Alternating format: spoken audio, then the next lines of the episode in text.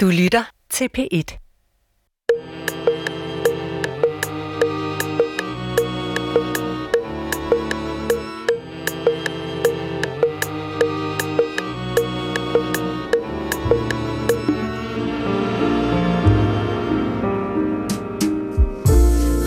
live on Sugar Mountain with the buggers and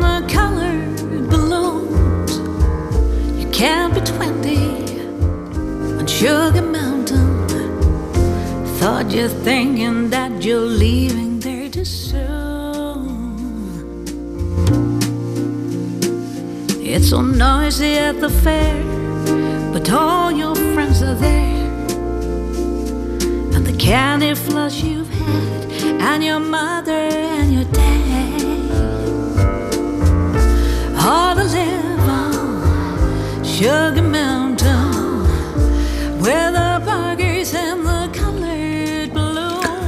Goddag, mit navn er Peter Lund Madsen, og rigtig hjertelig velkommen til Hjernekassen på P1. Og vi laver jo ud med en person, jeg rigtig godt kan lide som kunstner, det er Cecilia Norby, og hun sang sangen Sugar Mountain, og den sang, den handler om vemod ved at blive voksen. Og det er slet ikke det, det skal handle om i dag, men det skal handle om mountain.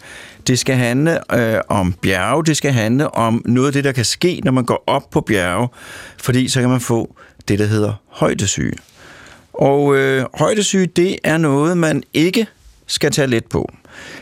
Jeg kommer fra Danmark. Jeg er opdraget til at forholde mig til vand, kviksand, hestehuller, øh, bundløse søer, moser, man kan gå igennem. Det er jeg opdraget til at passe på. Men jeg er ikke opdraget til at passe på højder. Øh, Og det har jeg betalt prisen for. Og øh, det gjorde jeg i mit elskede land Japan. Jeg skulle til Japan endnu en gang. Jeg skulle bestige Mount Fuji, Japans højeste bjerg. Øh, og øh, min bror havde gjort det. Det var gået godt. Og øh, der var også flere turistinformationer, øh, som fortalte, at øh, det var en tur, som man sagtens skulle klare, også hvis man var øh, relativ, hvis man var pensionist i relativt god form. Så det var ærligt talt ikke noget, jeg havde regnet særlig meget med. Jeg forestiller mig noget, hvor man gik op ad sådan nogle stier, holdt fast i et rødt tårn, når det blev lidt, lidt stejlt, og jeg havde taget weekendavisen med, som jeg så kunne læse om aftenen. Men sådan var det ikke. Fordi det gik stejlt op, øh, og allerede et relativt lille stykke op begyndte man at blive forpustet, fordi luften blev tynd. Og da man nærmede sig det sted, hvor vi skulle overnatte, for vi skulle overnatte på turen, så var vi nået næsten op til toppen af Mount Fuji. Der manglede 200 meter, den højeste station, der skulle vi overnatte. Og da vi kommer til den og skal have vores burger, så kan jeg godt mærke, at jeg har ondt i hovedet. Det har jeg engang imellem. Men det, er- det er sådan en ret ondsindet hovedpine. Jeg tager to træve, de hjælper ikke. Det bliver værre og værre og værre, og så begynder den her hovedpine at sætte sig i en oplevelse af at være syg. Øh, Jeg kan mærke, at der er noget galt. Øh, Og det første, jeg tænker på, det er, at øh, der er, et eller andet, altså, der er sprunget noget ind i mig. Øh, Jeg skal snart dø. Det sker så ikke. Så går min bekymring i en anden retning. Øh, Den får den karakter, at øh, ja, der er stadig sprunget noget inde i mig, men øh, jeg skal åbenbart ikke dø nu og her, men om et øjeblik udvikler tilstanden sig til noget, der er akut behandlingskrævende. Der må rekvirere en helikopter, som ikke er indbefattet i min sygeforsikring, hvorefter jeg resten af mine dage kan sidde og snitte i en tiggerstav, mens jeg fortæller historien om dengang, jeg blev hentet ned fra Japans højeste bjerg med en helikopter. Det sker heller ikke, men jeg lægger mig i sengen på en sovesal sammen med en hel masse andre mennesker, og jeg skal ikke fortælle, hvad der sker med kroppens muskulatur, når man falder i søvn. Men der var mange lyde i den sovesal den nat, og jeg er stadigvæk syg. Bekymret, indtil min søn begynder at kaste op. Og der står det fuldstændig lysende klart for mig. Jeg er uddannet læge, højdesyge. Det kom meget, meget sent til mig, men erkendelsen kom. Daniel bliver syg, min kone bliver syg, og de bliver så syge, og vi er så syge, at næste morgen, 200 meter under toppen af Mount Fuji, der er vi nødt til at gå ned. Og vi starter nedstigningen, og undervejs på vej ned ad bjerget, der hallucinerer min hustru, øh, og turen er meget, meget lang. Og da vi ankommer til stationen, hvor bussen kører fra, så går jeg selvfølgelig ind for at købe noget vand. Og da jeg kommer ud med vandet og ser min kone og yngste søn stå derude, så ligner det døden for Lübeck og hendes syge fætter. De så virkelig medtagende ud. Højdesyge, det er ikke noget, man skal tage let. Hvad er det, der sker, når man får højdesyge? Det er det, det skal handle om i dag. Jeg har en gæst, men det er en supergæst. I studiet det er Inge-Lise Kanstrup, doktor med speciallæge i klinisk fysiologi og nuklear medicin. Og rigtig hjertelig velkommen til dig. Velkommen til lytterne. Velkommen til Hjernekassen på P1. Du lytter til Hjernekassen på P1 med Peter Lund Madsen. Og i dag der skal det handle om, om højdesyge. Og velkommen til dig, Ingelis. Jo, tak. Kan du ikke starte med at fortælle lidt om dig selv? Øh, jo, det vil jeg da gerne. Øh, jeg er jo lægeuddannet, men også meget idrætsinteresseret. Og det bevirkede, at da jeg var færdig som læge fra Aarhus Universitet, så fik jeg et stipendium til at studere idrætsfysiologi i Stockholm hos den dengang verdensberømte professor øh, Per Ole Forstrand. Og så var jeg deroppe i tre år og lavede min disputat omkring øh, begrænsninger i præstation. Og øh, derefter så vendte jeg tilbage til Danmark og fik min øh, uddannelse i det der mest lignede øh, fysiologi, arbejdsfysiologi, det var det, der hed klinisk fysiologi og nuklearmedicin. Og inden for det speciale, der var der mulighed for at lave rigtig mange undersøgelser. Øh, dels selvfølgelig af syge mennesker og deres øh, øh, reaktioner, øh, altså øh, hvordan deres organer reagerer både på hvile og på arbejde, hvordan det reagerer på, på hvis man laver øh, motion, og om de får det bedre af det. Og vi kunne måle noget med hjertets pumpefunktion, hvordan det havde det hos den syge og hos den raske. Og vi kunne måle øh, lungefunktion, vi kunne måle blodkoncentration, og der var forskellige øh, studier, vi, vi kunne lave. Og øh, på et tidspunkt så kunne vi også, fik vi chancen for at lave nogle øh, studier på Mont Blanc med en fransk øh, gruppe, som, som havde et laboratorium, der lå 500 meter under højden, øh, under toppen på Mont Blanc, op i 4.400 meters højde. Og øh, det var jo en fantastisk mulighed for at komme op og, og undersøge øh, dels, hvordan man reagerede på, på øh, noget arbejde i højden, og dels øh, undersøgte vi, hvordan nyrefunktionen var, som nyrefunktionen tænkte vi var en vigtig funktion i udviklingen af højdesyge, som man har symptomer med, med, at man holder væske tilbage i kroppen, og vi vil gerne se, hvordan nyrerne havde det med, med det. Og øh, det bevirkede, at vi i flere år var med på, øh, på, på Mont Blanc øh, med dansk forskerhold. Jeg var selv deroppe to gange, og der var også nogle andre, der var deroppe. Og senere hen, så kom vi i kontakt med, med, med nogen fra Milano Universitet, der var på Monte Rosa i også 4.500 meters højde, og der var vi, jeg var med to gange deroppe, og der var flere gange danske forskerhold deroppe også. Så, øhm, så jeg har studeret en hel del omkring øh, højde og tilpasning til højde, og også hvordan man har det, når man bliver syg i højden. Har du selv prøvet at højdesyge? Ja, det har jeg. Kan du fortælle, hvordan det er? Jeg vil sige, det meste var jo første gang, jeg var på Mont Blanc, fordi der fløj vi op i helikopter. Så det var jo ned fra Chamonix, 1000 meters højde, og så på en halv time var vi oppe i 4400. Og øh, jeg var jo ung og frisk og tænkte, jeg bliver jo ikke syg, det er jo de andre, der bliver syge. Og det, øh, det passede ikke. Det blev jeg. Jeg, blev, jeg fik, øh, som Peter fortalte, øh, svær hovedpine. Jeg havde overhovedet ikke lyst til mad. Jeg havde noget kvalme.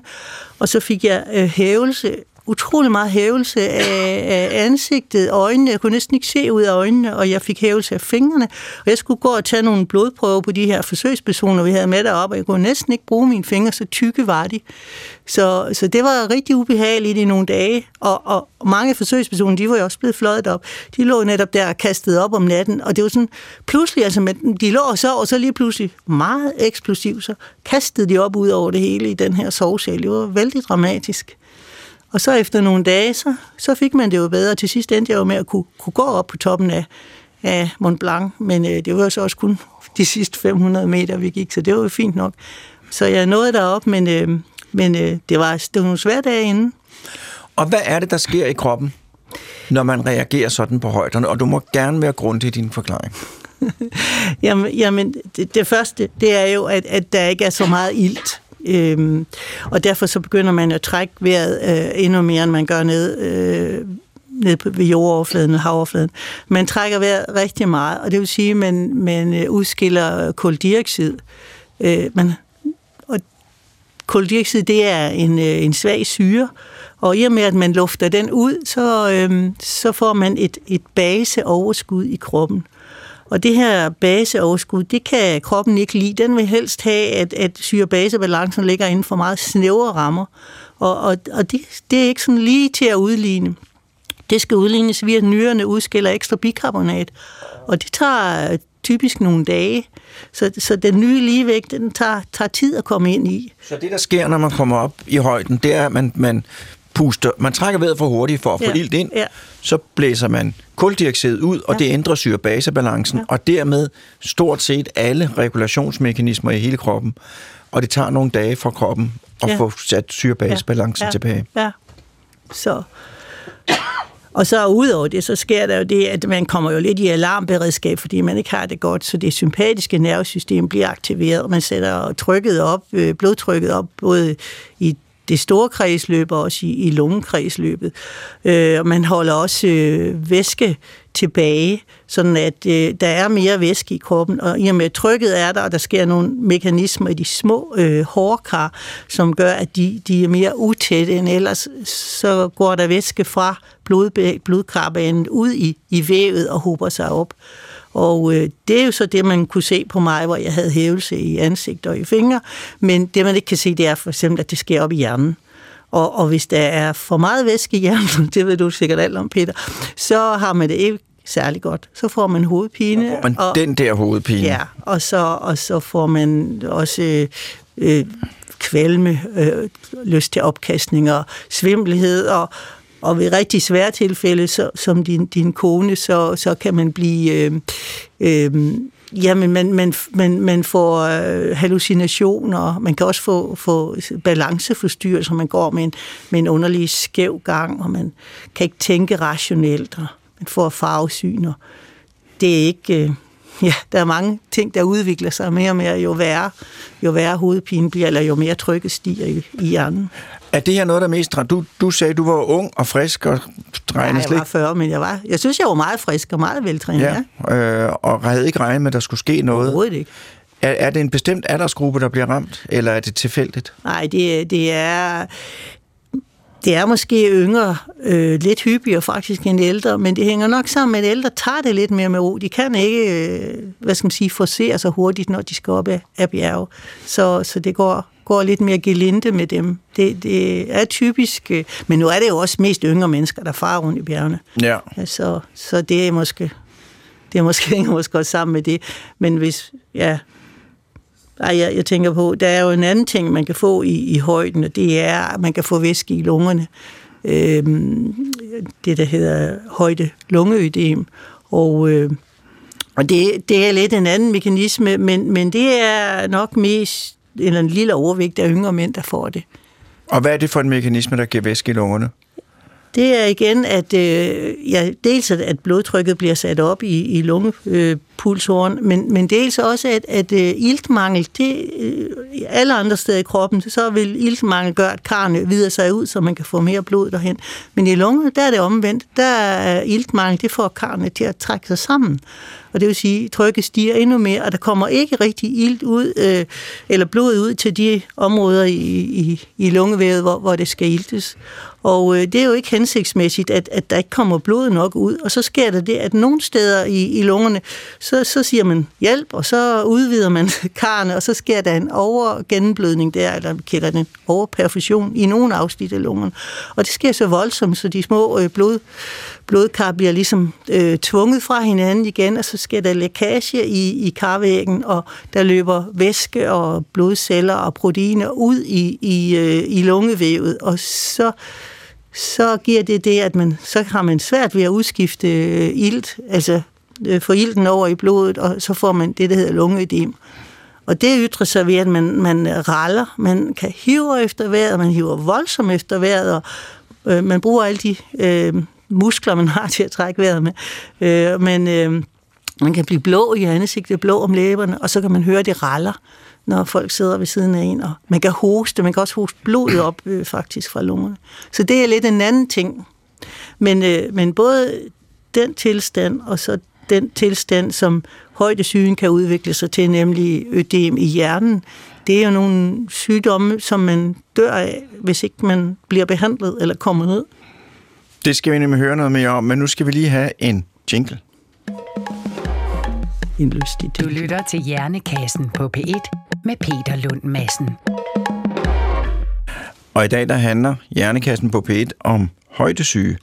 Og min gæst er Inge-Lise Kanstrup, som er speciallæge i klinisk fysiologi og nuklear medicin og doktor med. Og det her, det er jo højdesygen, sådan vil jeg sige, en klassisk sygdom, der udspiller sig inden for fysiologien. Øh, Og jeg tror, det er derfor, der er så mange, der interesserer sig for den også, fordi at det er, det er en spændende sygdom, som, øh, som, som, som øh, udspiller sig, som jeg sagde, alle mulige steder inden for kroppens regulationsmekanismer. Det du sagde herinde, jinglen, det var, at hvis man ikke gør noget, så risikerer man at dø. Hvad skal man gøre, hvis man får højdesyge? Det mest rationelle, det er jo at sikre, at man får en ilttilførsel igen. Det vil sige, hvis du kan, og det var det, du snakkede om, da du var i Japan, du vil gerne ned, du vil med en helikopter. Altså, det er Nej, jeg ville ikke, men jeg tænkte bare, at jeg risikerer det. Det, det, det ville jo have været det allerbedste. Øh, Ned i en fart. Det kan man jo sjældent komme sådan her og nu. Men, øh, men enten så har man mange af stederne, der har man jo ilt, og så giver man jo ilt på, på, på flaske, øh, eventuelt ilt under overtryk, eller nogle steder har man sådan en, en sæk, der hedder en gammon bag, som man kan puste op, så man lægger folk ned i, og så kan man med en almindelig cykelpumpe puste den op til et, et overtryk, og så får man jo så igen en, øh, en, ilt, øh, en iltmængde, som svarende til det, man har nede ved, ved jordoverfladen. Hvis man presser luften Ja. sammen, så Ja. bliver den jo nærmest som den, der er nede. Ja. Fordi det- at der er koncentra- nej, koncentrationen af ilt er den samme, men luften er bare for tynd. Ja. Ja. Så, så det vil jo være, så det, det kan man så gøre. Så er der noget medicin, man kan, man kan give, og, og det hjælper jo en vis grad. Altså, øh, almindelig højdesyge, øh, det kan man behandle med noget, der hedder Diamox. Øh, Udover, du, du tog øh, hovedpinepræparater, ikke? og det vil man altid gøre. Altså, man vil altid tage Pamol, eller hvad du nu har, har med dig. Men, øh, men Diamox er et stof, man kan, man kan tage, øh, som, som hjælper på dels, øh, altså det, det hjælper på ilt, øh, iltningen, altså det stimulerer vejrtrækningscentret, så man trækker vejret lidt bedre, får lidt bedre ilt ind i kroppen, men det fremmer også nyernes udskillelse af det stof, vi snakker om før, bikarbonat, det vil sige, der kommer hurtigere en, en, øh, en, en øh, syrebase ligevægt igen i kroppen. Så, så Diamox er en, øh, en, en ting, man vil behandle med ved, ved højdesyge. Og der vil jeg lige sige med Diamox, fordi jeg har jo engang fløjet, det var i Indien, fra 0 km højde op til 4,5 km. Ja, og der havde vi taget Diamox. Ja. Og der kom sådan en helt flyver op til den by, der i 4,5 km højde, og der var kun et sted at gå hen, og der gik alle dem, der var kommet med den flyver hen om aftenen. Min kone og jeg havde taget Diamox, vi var fuldstændig friske, og alle de andre var syge. Det kan være meget effektivt til at forebygge det. Ja. Og det var jo også derfor, jeg ikke havde fået den rigtige respekt for højder, ikke? Ja. Fordi sidste gang, hvis jeg havde tænkt mig om to sekunder, så havde jeg jo taget Diamox, inden vi skulle på Mount Fuji. Det gjorde jeg så ikke. Nej. Men det kan man tage, man kan tage det forebyggende øh, en, en, en lidt mindre dosis fra den der, inden man begynder at gå op. Ja. Og så, og så have det med, eller nogen venter og har det med, og hvis de begynder at blive syge, så tager de deroppe. Og det, øh, det, det er et, et meget godt stof. Altså, en af bivirkningerne, man kan mærke, man får det, det er, at man får sådan snoren i fingre og, Ja. og fødder. Vi kaldte det Diacox, Ja. fordi øh, at, at man snodede lidt over det hele. Og, og cola og champagne, hvis man har det med, det smager forfærdeligt, fordi man kan ikke smage boblerne. Om det, det slap vi heldigvis og øl. Ja. Så, så, så det, det er ikke så. Men, men udover det, hvis man er, man er rigtig syg af, af højt øh, hjerneødem, så vil man også give noget binyrbarkhormon. ja. Øh, lungeødemet, det kan godt være, at man vil give binyrbarkhormon. Det er nu ikke sikkert, det virker, men man vil prøve hvad som helst. Men, men man kan også give et stof, som, øh, som virker lidt udvidende på, øh, på blodkarrene, sænker trykket lidt i lungerne. Så lige præcis der kan man, kan man få et andet stof også. Men altså, de, man skal ned, man skal ned, eller have noget ilt. Og hvis man nu er, er dansk turist, øh, som egentlig ikke har tænkt over det med højderne, man skal, man skal måske ud i alberne, hvad, hvad vil jeg nu, nu her, at vi skal ud og rejse igen. Er der nogle højder, er der nogle højde mål, hvor man siger, her skal man begynde at tænke over det? Du kan faktisk begynde at blive, blive syg allerede i omkring øh, to- 2.500 meter eller noget, eller 2.000 kan, kan nogen mærke, mærke de første svage symptomer, og det er jo sådan overnatningshøjde i mange skisportsteder. Ikke, at du bliver særlig syg, men, men, men sådan lidt hovedpine. Og det er ikke sikkert, det er tømmermand, at du er ude og drikke for meget rødvin aften inden. Det kan også være højsyge, specielt hvis du sover i overkøjning, plejer jeg at sige. Nej, men, øh, men ellers altså over 3.000 skal man, skal man begynde at tænke over det. Der er jo mange gletsjer, hvor du står på ski, øh, der er over 3.000, men, men en dag eller nogle timer på en gletsjer, der, der, der, du bliver bare måske lidt en lille smule svimmel eller en lille smule hovedpine. Ikke noget som helst. Jamen, det, der men, gik galt for os i Japan, det var jo, min bror han havde sovet på midten af bjerget, og så ja, gik han derfra ja, op og ned højt. igen. Og så når man ikke at få det hele. Nej. Men vi nåede at komme derop og blive, og blive eksponeret for længe. Men, men øh, tilråder jo, at man øh, over 3.000 meter, der, der skal man ikke gå mere end, en 300 højde meter om dagen til sovehøjde. Man kan godt gå lidt højere op om dagen, så skal man gå ned og ikke sove mere end ja, 300 til måske 500 meter. Og så skal man faktisk holde en total hviledag hver tredje dag. Så hvis man, hvis man nu skal op på et bjerg, så kan man gå til 3.000 meter? Ja. Og så næste dag, så kan man gå 300 meter længere op og sove. Ja, du kan så gå 500 meter ja. op og så lidt ned og så sove. Og så, ja. Det kan du godt tre dage, ja. og så skal du have en ja. pause. Ja. Men det er der ikke nogen, der gør. Det har man jo ikke tid til. Hvad, og, så... og så bliver man syg. Altså hvis du ser Kilimanjaro, så har de jo tilbud på, på seks, øh, seks dage om at bestige øh, det der bjerg, som er knap 6.000 meter. Ikke? Jeg ved ikke, hvad højde de starter i. De starter måske et par tusind meter eller sådan noget, men, men, men det er jo vældig hurtigt. Ikke? Og de, de har jo også en... Øh, altså, der, jeg lå så i en lille undersøgelse, at der var, der var 14 procent, der fik højde hjerneødem og skulle ned med sådan et ekspresbord fra Kilimanjaro. 14 procent? Ja. Hvor lang tid mener du, man skulle tage om at bestige Kilimanjaro? Ja, det kan du regne ud efter Ja, jamen, så, så kunne man jo sige, det, det, øh, hvad bliver det så? Det bliver en, et par uger eller tre, ja. ikke? Ja. Men det er der ikke nogen, der har tid til og har råd til. Du skal også betale guider og sådan noget. Så prisen er, at, man, at der er 14 procent, som bliver så syge, at de skal Ja, de ned med en, sådan en borger, hjem. en ja. ildtransport. Ja. Men altså, så, så må man jo sige, at de fleste, de tager jo de, tager jo de her moks med, og så går det jo. Ja. Og det vil jeg jo også selv gøre. Så. Men vil du sige, at hvis man tager Diamox, kan man så anbefale at tage de der seks dages ture til Kilimanjaro? Eller er det stadigvæk risikabelt? Det er stadigvæk risikabelt. Du kan ikke være sikker. Det kan du ikke. Og hvad med tidligere sygdomme spiller? Det, spiller selvfølgelig også ind. Er nogle sygdomme specielt, man skal... Ja, øh, du skal jo ikke gå derned, gå derned hvis du har nogle hjerteproblemer, eller, eller dårlig lungefunktion, eller svært højt blodtryk. Jeg vil heller ikke sige, hvis du har sukkersyge eller fedme eller sådan noget, så er du heller ikke den bedste egnet til at gå derop. Og hvis du så tidligere har haft højt lungeødem eller højt hjerneødem, så er der en høj risiko for, at det kommer igen. Så der så, er nogen, der er mere disponeret til ja, syge end ja, andre? det er der. Ja. Så, men, øh, og så gravide vi skal heller ikke rende op i højden. Det, det er jo ikke øh, givet, at, at altså der kommer en, en, også en lille øh, reduktion til fosteret, og det synes man jo ikke er en god ting. Nej.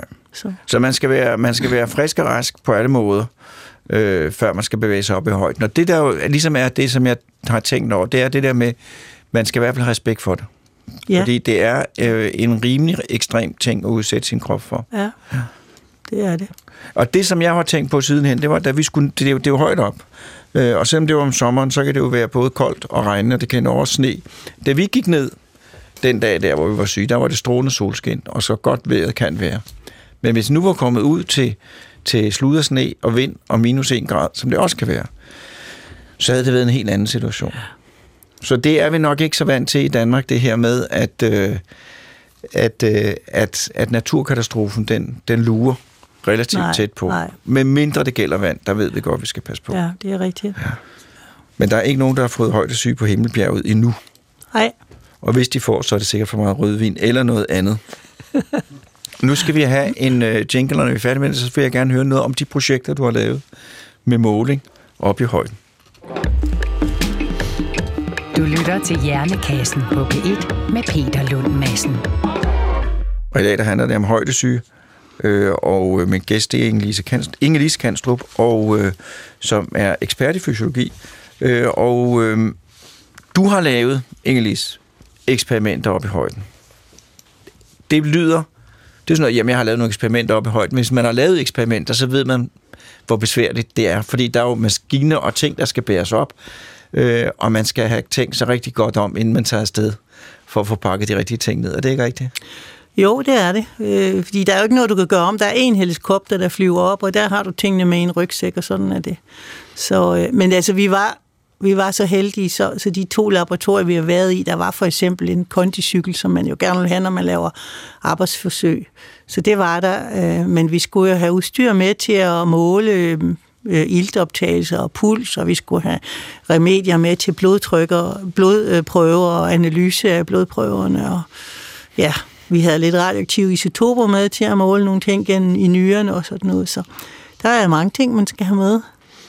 Ja. Og hvad er det for nogle forsøg, du har lavet? Ja, vi har undersøgt blandt andet nyrenes rolle i det her, fordi vi, vi jo, noget af det første, det var jo væsketilbageholdelsen og øh, nyrefunktionen lige skal i gang med at udskille her bikarbonat. Så vi vil gerne se på, om, om nyrerne ligesom øh, led under højden, ligesom ja. så meget andet. Og, øh, og der lavede vi nogle undersøgelser, hvor vi kiggede på dem efter en dag og efter fem dage i højden. Altså, og de blev fløjet op, som vi sagde, akut. Så de blev lidt højdesyge. Og vi kiggede på nyrefunktionen øh, i hvile, men også når de arbejdede på en, på en kondicykel. Og det vil sige, at vi kiggede på den ved samme procent øh, af maksimal arbejdsevne øh, som, som nede ved jorden. Og der viste sig, at nyrenes øh, genblødning og nyrenes evne til at filtrere øh, vand og salte, det var øh, bestemt ikke ringere i højden. Det var en anelse øh, bedre på den samme relative arbejdsbelastning. Så det var rigtig fint, så det er ikke nyrene, der har det skidt. Så kiggede vi på nogle af de øh, hormoner, som, øh, som regulerer tryk og øh, et, et stof, som hedder renin, der, der hvis man, hvis man får for lidt blod til, til nyrerne, så, så stiger mængden af, af renin i kroppen og giver højt tryk, og, øh, og, og, og det vil sige, hvis nyrerne led af, af iltmangel, så vil man have meget renin. Det, det steg ikke særlig meget øh, i, under arbejde, altså også lidt mindre nede ved jorden. Og et andet hormon, der hedder aldosteron, som er medvirkende til at holde væske og salt tilbage, det var fuldstændig trykket i bund. Vi kunne næsten ikke få det til at stige i højden, mens nede ved jorden stiger det under arbejde, men, men op i toppen, der, eller op på, på bjerget, der, der steg det næsten ikke. Så aldosteronen er reguleret ned hensigtsmæssigt. Det er ikke det, der er galt. Så, så øh, det var jo noget, noget i hvert fald at finde ud af. Vil sige. Vi fandt så ikke årsagen til, til det ellers, til højdesyn, men, men vi fandt ud af, hvad der ikke var galt. Så har vi senere hen har, har vi kigget lidt på, øh, på noget med det sympatiske nervesystem og, øh, og, og blodtryksregulering. Og det er sådan, at blodtrykket stiger lidt i højden, og det stiger faktisk øh, mere med tiden i højden, samtidig med, at, at et af de øh, hormoner, man, man har i det sympatiske nervesystem, nemlig noradrenalin, også bliver ved med at stige, mens, øh, mens adrenalin, som vi ved, som, som, som ligesom bliver aktiveret her nu, hvis vi ser et farligt dyr eller noget, det er at få pulsen op, bum, øh, det var højt lige i starten, men det faldt med, med dagen i højden. Men noradrenalin steg, og middelblodtrykket steg. Og så undersøgte vi, om, om hvordan reaktionen var, hvis man fik et, et, et øh, smertefuldt stimulus. Og det vi brugte, det var kulde. Vi pakkede en hånd ind i isvand. Og, og så så vi, og det ved vi godt, det giver en blodtryksstigning. Og der viste sig, at med tiden i højden, så gav det en større blodtryksstigning end nede ved jorden. Øh, så man var mere følsom over for sådan nogle stimuli. Og så tænker vi, at øh, lungekredsløbet reagerer jo lidt parallelt som systemkredsløb. Vi kunne ikke måle lungeblodtryk, men det er også øh, stigende i højden. Og så tænker vi, hvis det reagerer lige sådan på sådan en kuldestimulus, så kan det jo være medvirkende til, at man, at man er tilbøjelig til ødemet i lungerne deroppe i højden. Hvis, fordi man kan jo ikke undgå at få... Øh, at få, øh, få udsat øh, hænder og noget for kulde, når man er der, og smertestimuli. Af alle mulige forskellige ja, slags. så det kunne være medvirkende til det. Så det var noget af det, vi lavede. Det der med at skulle lave smerte og ubehag i forsøg øh, ja. for at måle kropslige reaktioner, det har jeg også engang skulle gøre. ja. øh, og det gik frygtelig galt. Øh, fordi at vi havde, øh, det var meget vigtigt undersøgelse, vi skulle lave et uge af Bispebjerg. Øh, hvad sker der med hjerneaktiviteten, når man blive sætter hjernen til at arbejde koncentreret, og når man udsætter den for det, vi kaldte maksimal stress. Øh, og der havde vi udtænkt en, en, sådan en opstilling, som udsatte folk for øh, maksimal stress. Øh, og det var noget med, at, at der blev spillet høj musik, og der blev alt muligt. Øh, ikke slemme ting, men altså sagt ting, og, og, og sådan så de blev stresset. Og den første forsøgsperson, vi havde igennem, han var fuldstændig kold. Han reagerede ikke, og han var, han var fuldstændig rolig. Så vi havde en, en hel aften, hvor vi lagde yderligere stressfyldte ting på, for at få, få, det, for det til at ske noget. Og så kom den næste forsøgsperson, som viste sig ikke at være det. Den første person var nemlig tidligere jægersoldat. Han var bare ganske almindelig menneske. Og han havde været der under det nu forstærkede regime i 10 sekunder, da han sagde, jeg kan ikke mere. Og brød sammen, og jeg fik det simpelthen så dårligt. Nu har jeg lettet hjertet, men altså, der, overreagerede, der over, over, overjusterede vi øh, og, og udsatte, udsatte ham for. Altså, det var ikke smertefuldt, men det var, det var meget stressfyldt. Øh, og det har jeg lært meget af sidenhen. Ja. Øh, der er det bedre sådan noget med at putte hånden ind i noget is, som jo kan være meget smertefuldt. Meget. Øh, men alligevel er mere kontrollerbart, end at man står og råber folk ind i hovedet. Og hvad ved jeg? Men så er der jo noget andet sjovt øh, med højden. Det er jo, at, at øh, du prøver jo at, at koncentrere dit, øh, dine røde blodlemmer for at, at bedre ildtransporten. Ja. Og, øh, og det gør det jo i starten ved, at du, du udskiller lidt plasma, du får lidt mere koncentreret blod. Men senere hen, så, så, eller du starter jo en produktion af EPO, som vi også har kigget lidt på øh, på et og tidspunkt. EPO, det er det, der laver nye blodceller, ikke? Ja, og det er det, som alle idrætsfolk jo ja. elsker at bruge, og som ja. er snyd og doping og ja. alt det her. Men det er meget effektivt. Øhm, og det laver du så i højden. Og det kan du, øh, så, så jo længere tid du er i højden, jo, jo, mere, øh, jo flere røde blodlemmer får du, jo mere hemoglobin får du. Og det er jo sådan, at du faktisk kan få en, en procent, det der hedder en hematokrit, en blodprocent over 60. Og det er højt. Og det er højt. Og der har været en norsk ekspedition, kan jeg huske, jeg hørte, der havde de målt over 70 inden, og det var en, der skulle op på, på Mount Everest. Og det, målte, det vil sige, det er meget, meget tykt blod. Meget tykt, tykt blod. blod. Og så må du tænke på, at de går ud i kulde, som gør, at blodkarrene trækker sig sammen, så der er dårlig genblødning ude i fingre og tæer, hvor det nu ellers er. Så sådan noget blod, det er jo rigtig tilbøjeligt til at klodse sig sammen og give blodpropper, og det får de jo også i fingre og ben, og så får de jo forfrysning og sådan noget. Og den der norske øh, person, han blev faktisk øh, blodtappet lige inden han skulle op, og så lavede han et, et, øh, højt, et, et højde topforsøg med, eller bestigningsforsøg med succes.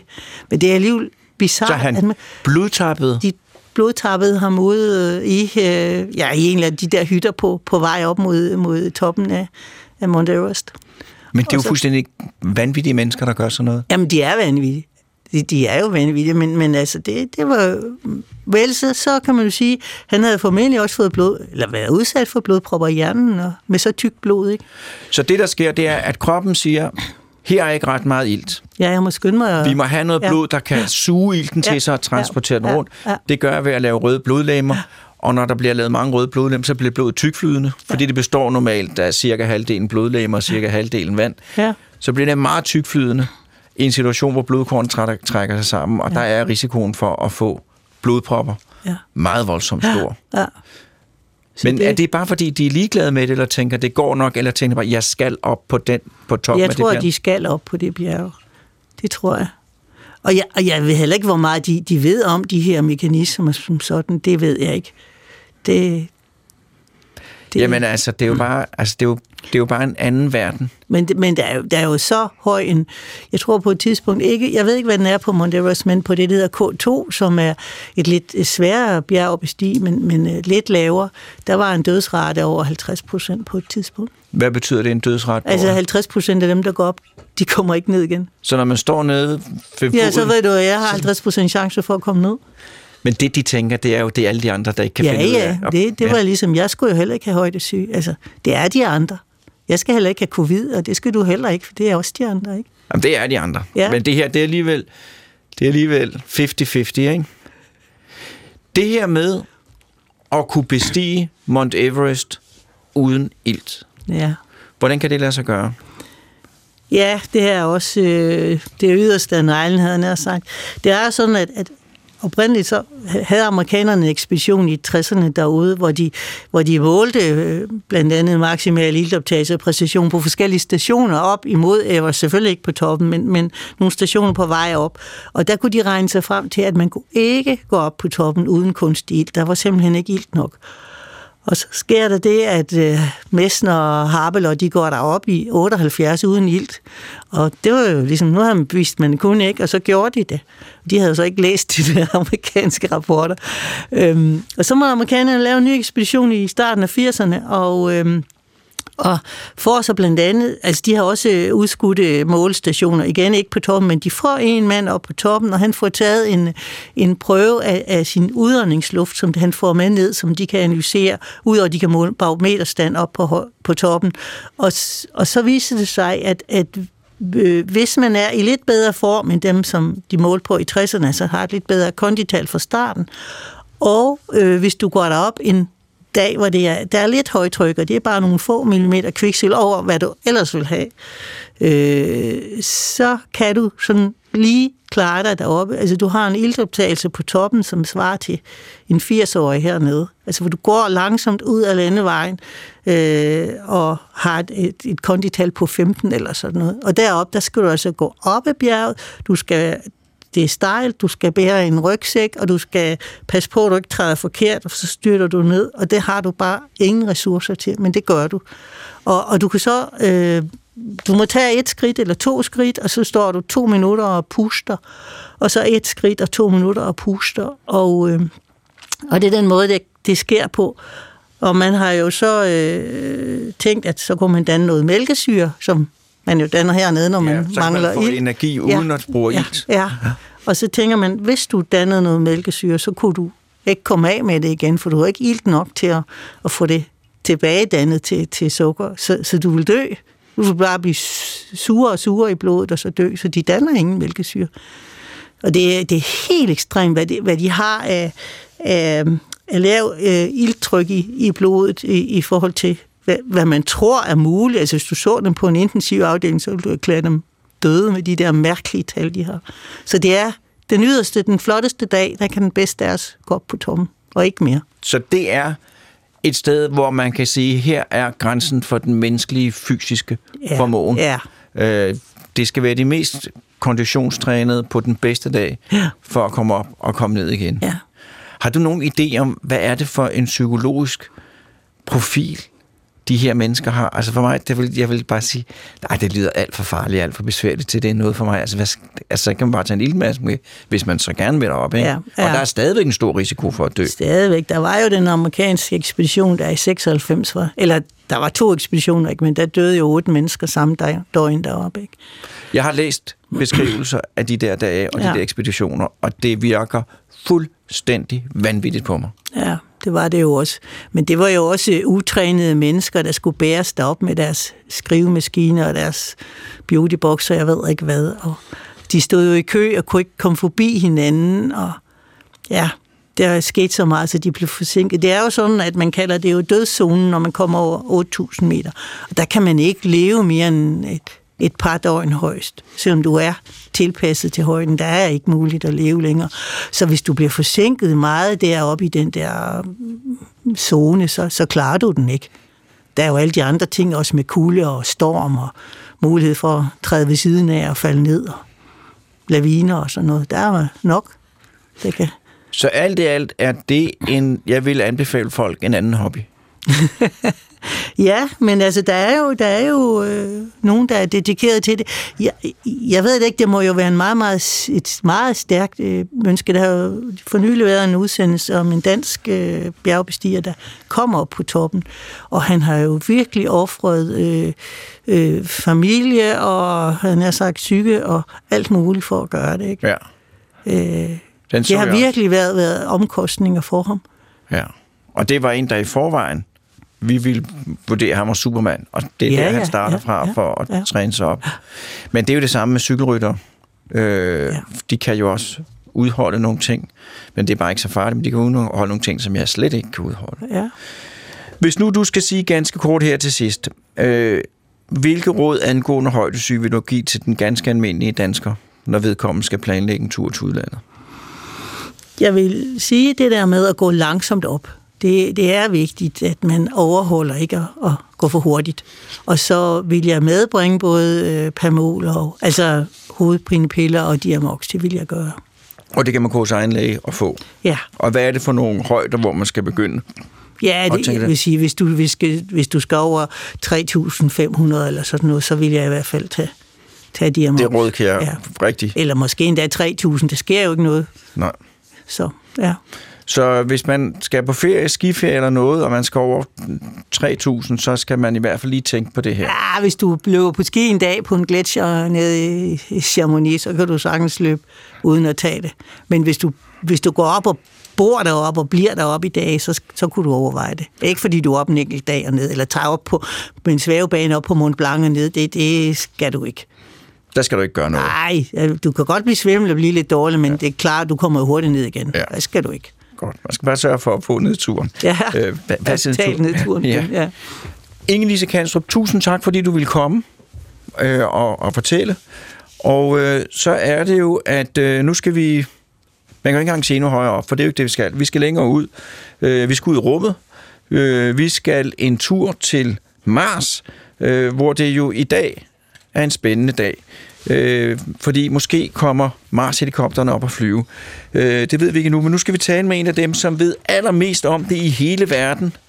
Øh, og han ved det, fordi han sidder hjemme i sin dagligstue med fingeren på helikopter, Mars helikopterpulsen.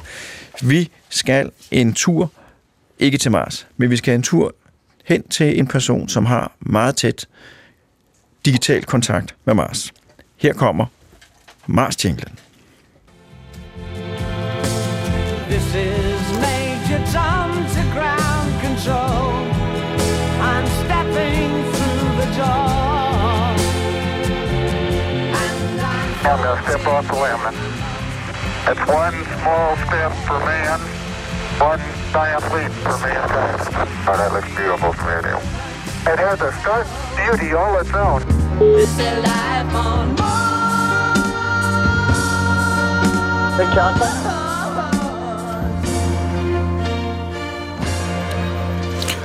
Hallo, det er Peter Lund Madsen fra, øh, det, øh, fra, fra studiet på P1. Er det, er det Kjartan Mønster Kink i den anden ende? Ja, det er det. Kan du høre mig? Jeg kan høre dig loud and clear. Øh, Det er godt. det er godt. Det var næsten ligesom at være fra Houston. Øh, hvad det hedder, du er lektor i astrofysik og planetforskning, er det ikke rigtigt? For lige at få dig introduceret. Du har også været i Hjernekassen før, er det ikke rigtigt? Det er korrekt. Jo, Jo, det er korrekt begge dele. Hva, hva, undskyld? Det er korrekt begge dele. Begge dele. Øh, og hvor befinder du dig lige nu? Lige nu er jeg i mit eget hus i Bagsvær.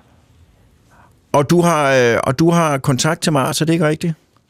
Jeg har kontakt til Mars. Jeg sidder øh, nede i min kælder og arbejder øh, og er koblet op på øh, et fælles system med chatrum og adgang til vores data og øh, er lige nu egentlig p- på min post og og med til at kigge på, på de nye billeder, der er kommet ud fra i går øh, og evaluere dem og sætte dem sammen til nogle, øh, til nogle lidt mere øh, andenordens produkter, nogle mosaikker, nogle farvebilleder og noget analyse, som resten af videnskabsholdet kan bruge. Det vil jeg gerne høre noget om om lidt, men vi skal jo lige høre om den her øh, helikopter, den her Mars rover, fordi jeg, har, jeg kan jo forstå, at, at, at, at der er ting, der skal afprøves, så det hele er ikke afklaret. Det kan, kan du give et kort ris af situationen, hvad angår de to, øh, de to øh, devices op på Mars, roveren og helikopteren? Jo, altså roveren er jo øh, den primære, en, en meget stor sag. Helikopteren er en lille teknologidemonstration, hvor man gerne vil vise, at det her kan lade sig gøre.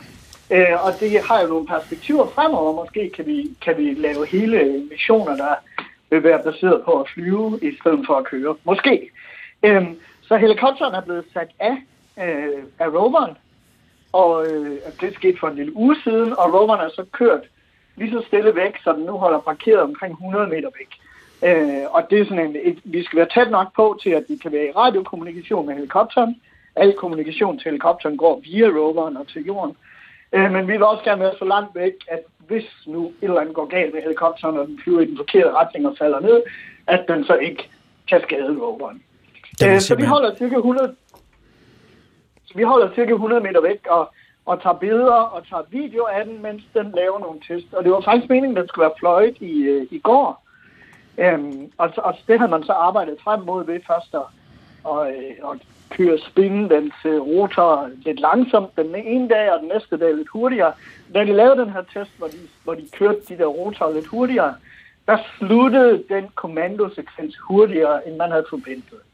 Øh, og, og hver gang der sker et eller andet, der ikke er præcis, som man havde ventet, så øh, skal man lige trykke på bremseknappen øh, og bruge lidt tid på at forstå præcis, hvad det var, der foregik. Og derfor så har vi så udskudt øh, den dag, hvor helikopteren faktisk skal flyve et par dage ud i fremtiden. Det er en lille smule uklart præcis, hvornår det kommer til at ske. Godt. Fordi det er jo, der er interessant, både når vi snakker forskningsformidling og menneskehjernefunktion, det er jo, at du siger, at den her helikopter, det, det er sådan en, en, ikke en biting, men en mindre del af projektet, som skal undersøge, om man kan gå videre af den vej. Men det er jo alligevel det, der lige nu fanger fanger vores nysgerrighed, fordi den er aldrig fløjet før, det er, at man kommer den op og flyve.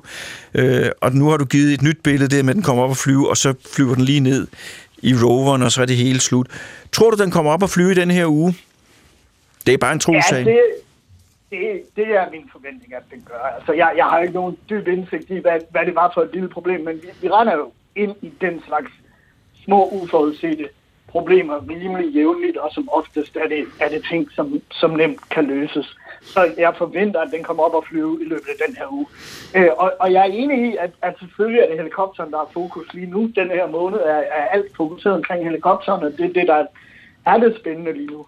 Øh, og så, den skal jo så først flyve lidt op og ned, og så op og hen, og der, de har forskellige tests, de skal udføre. Vi har, har jo også meget involveret på kameraholdet, fordi vi skal tage video af det, og sørge for, at de videoer kommer ned til jorden så hurtigt som muligt, og øh, så vi kan både vise dem frem til folk, og også øh, selvfølgelig evaluere, hvordan, øh, hvordan helikopteren den, øh, den har klaret det. Men der kommer, hvis alt går vel, et tidspunkt et billede simpelthen af en helikopter, der letter på Mars, øh, og flyver lidt og sætter sig ned igen. Og det er jo... Der kom Fortsæt. vi, video endda. Ja. ja. Jamen, fordi vi har her i dag, der har vi talt om højdesyge på jorden, hvor der bliver problemer med at få lov, ilt nok, når man kommer op i højden, og så sker der en hel masse andre øh, øh, dramatiske ting. Men øh, op på Mars, der er luften jo endnu tyndere, end den er på toppen af Mount Everest. Og det er jo derfor, det er så svært at få en helikopter til at flyve, er det ikke rigtigt? Jo, øh, og det, det er selvfølgelig er tyngdekraften også lidt mindre, så det hjælper så lidt, men, men, men slet ikke. Det, det er ikke lige så meget, som, som luften er tyndere, om du vil. Øh, så, så, så det, man har gjort, er også, at den her helikopter har øh, to, to sæt temmelig store rotorblade, som roterer hver sin vej. Øh, og så øh, roterer de meget, meget hurtigt, og den vejer ikke særlig meget. Den vejer et, et kilo alt i alt, cirka. Øh, og, og, og på den måde kan man altså få den til at, at flyve på trods af den tynde luft. Godt. Men så er der noget andet, jeg gerne lige vil berøre. Det er noget med tiden. Fordi at, øh, hvordan er det med, med, med dig og Mars tid? Passer det sammen? Jamen altså, vi arbejder jo lige nu på Mars tid, og, og det vil egentlig sige, at vi arbejder, når det er nat, og vi desokrater på Mars, så vi får data ned fra roveren, og så i løbet af natten, så kigger vi på de data, og så tager vi beslutning om, hvad roveren skal den næste dag, og sætter de kommandoer sammen, og det er jo et stort hold selvfølgelig.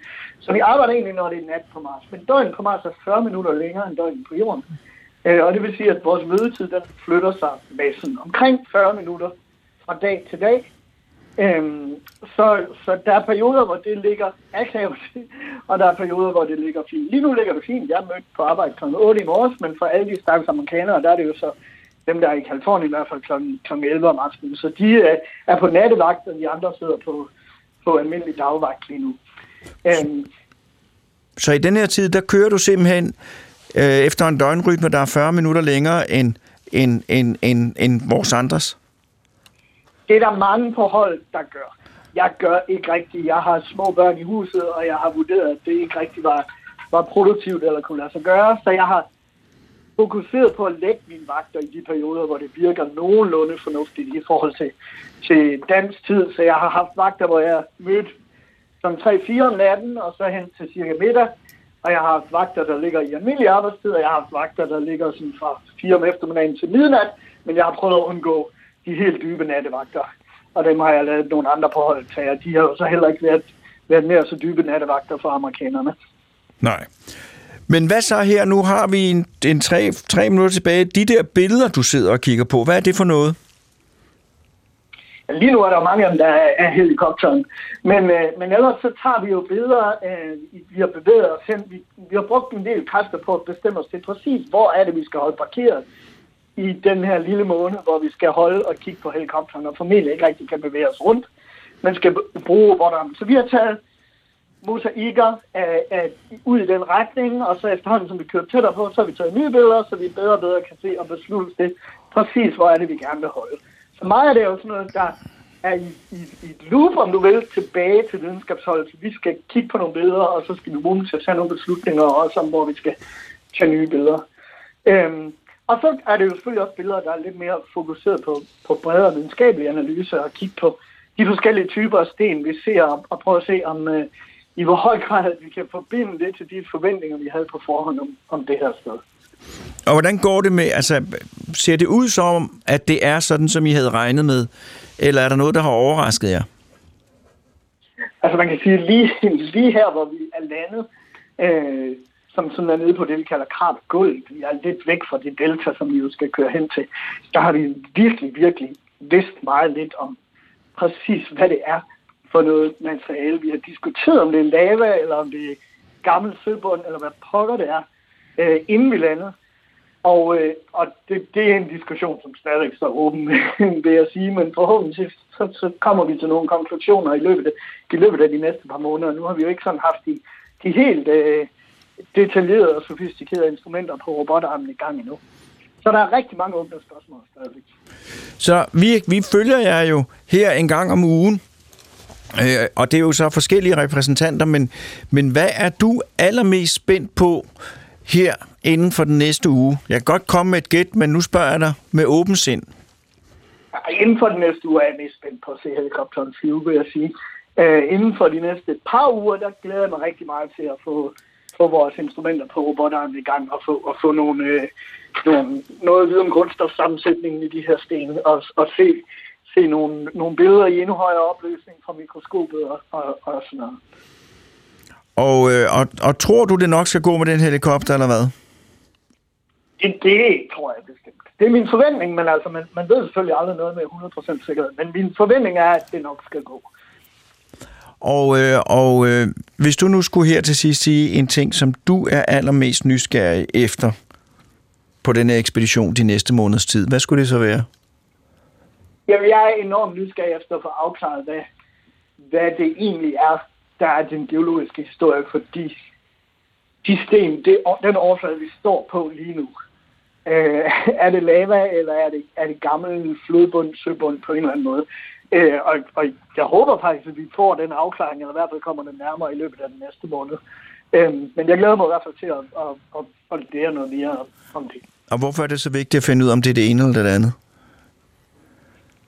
Ja, men for mig er det jo vigtigt, fordi jeg har brugt rigtig mange kræfter i, flere år på at, at diskutere det og fundere over det, baseret på, på men, men sådan mere, mere øh, fremadrettet, så hvis det er lava, så kan vi bruge, så er det formentlig sten, der kan dateres rigtig godt, og vi kan bruge det til at forstå præcis, hvornår det, det her lava lagt ud. Vi kan sammen, vi bruge det til at forbedre vores forståelse af aldersbestemmelsen for alle overflader. Og hvad hvis det er Hvis flodbund? det er søbund, ja, hvis det er flodbund eller søbund, så, så kan vi jo allerede nu begynde at kigge efter øh, måske øh, fossiler efter mikroorganismer, eller, eller i hvert fald karakterisere, hvad er det for en historie, der har været om øh, en sø, der har stået i det her, i det her krater, hvor længe har den været der, Kjartan, øh, og så videre.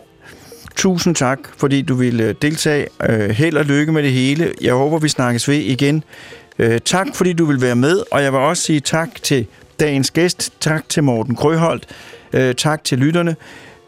Det er nu, at jeg skal sige, øh, at Hjernekassen kommer igen øh, om en uge, hvis alt går vel. Og indtil da, der må I nyde hverdagen så bedst som I kan.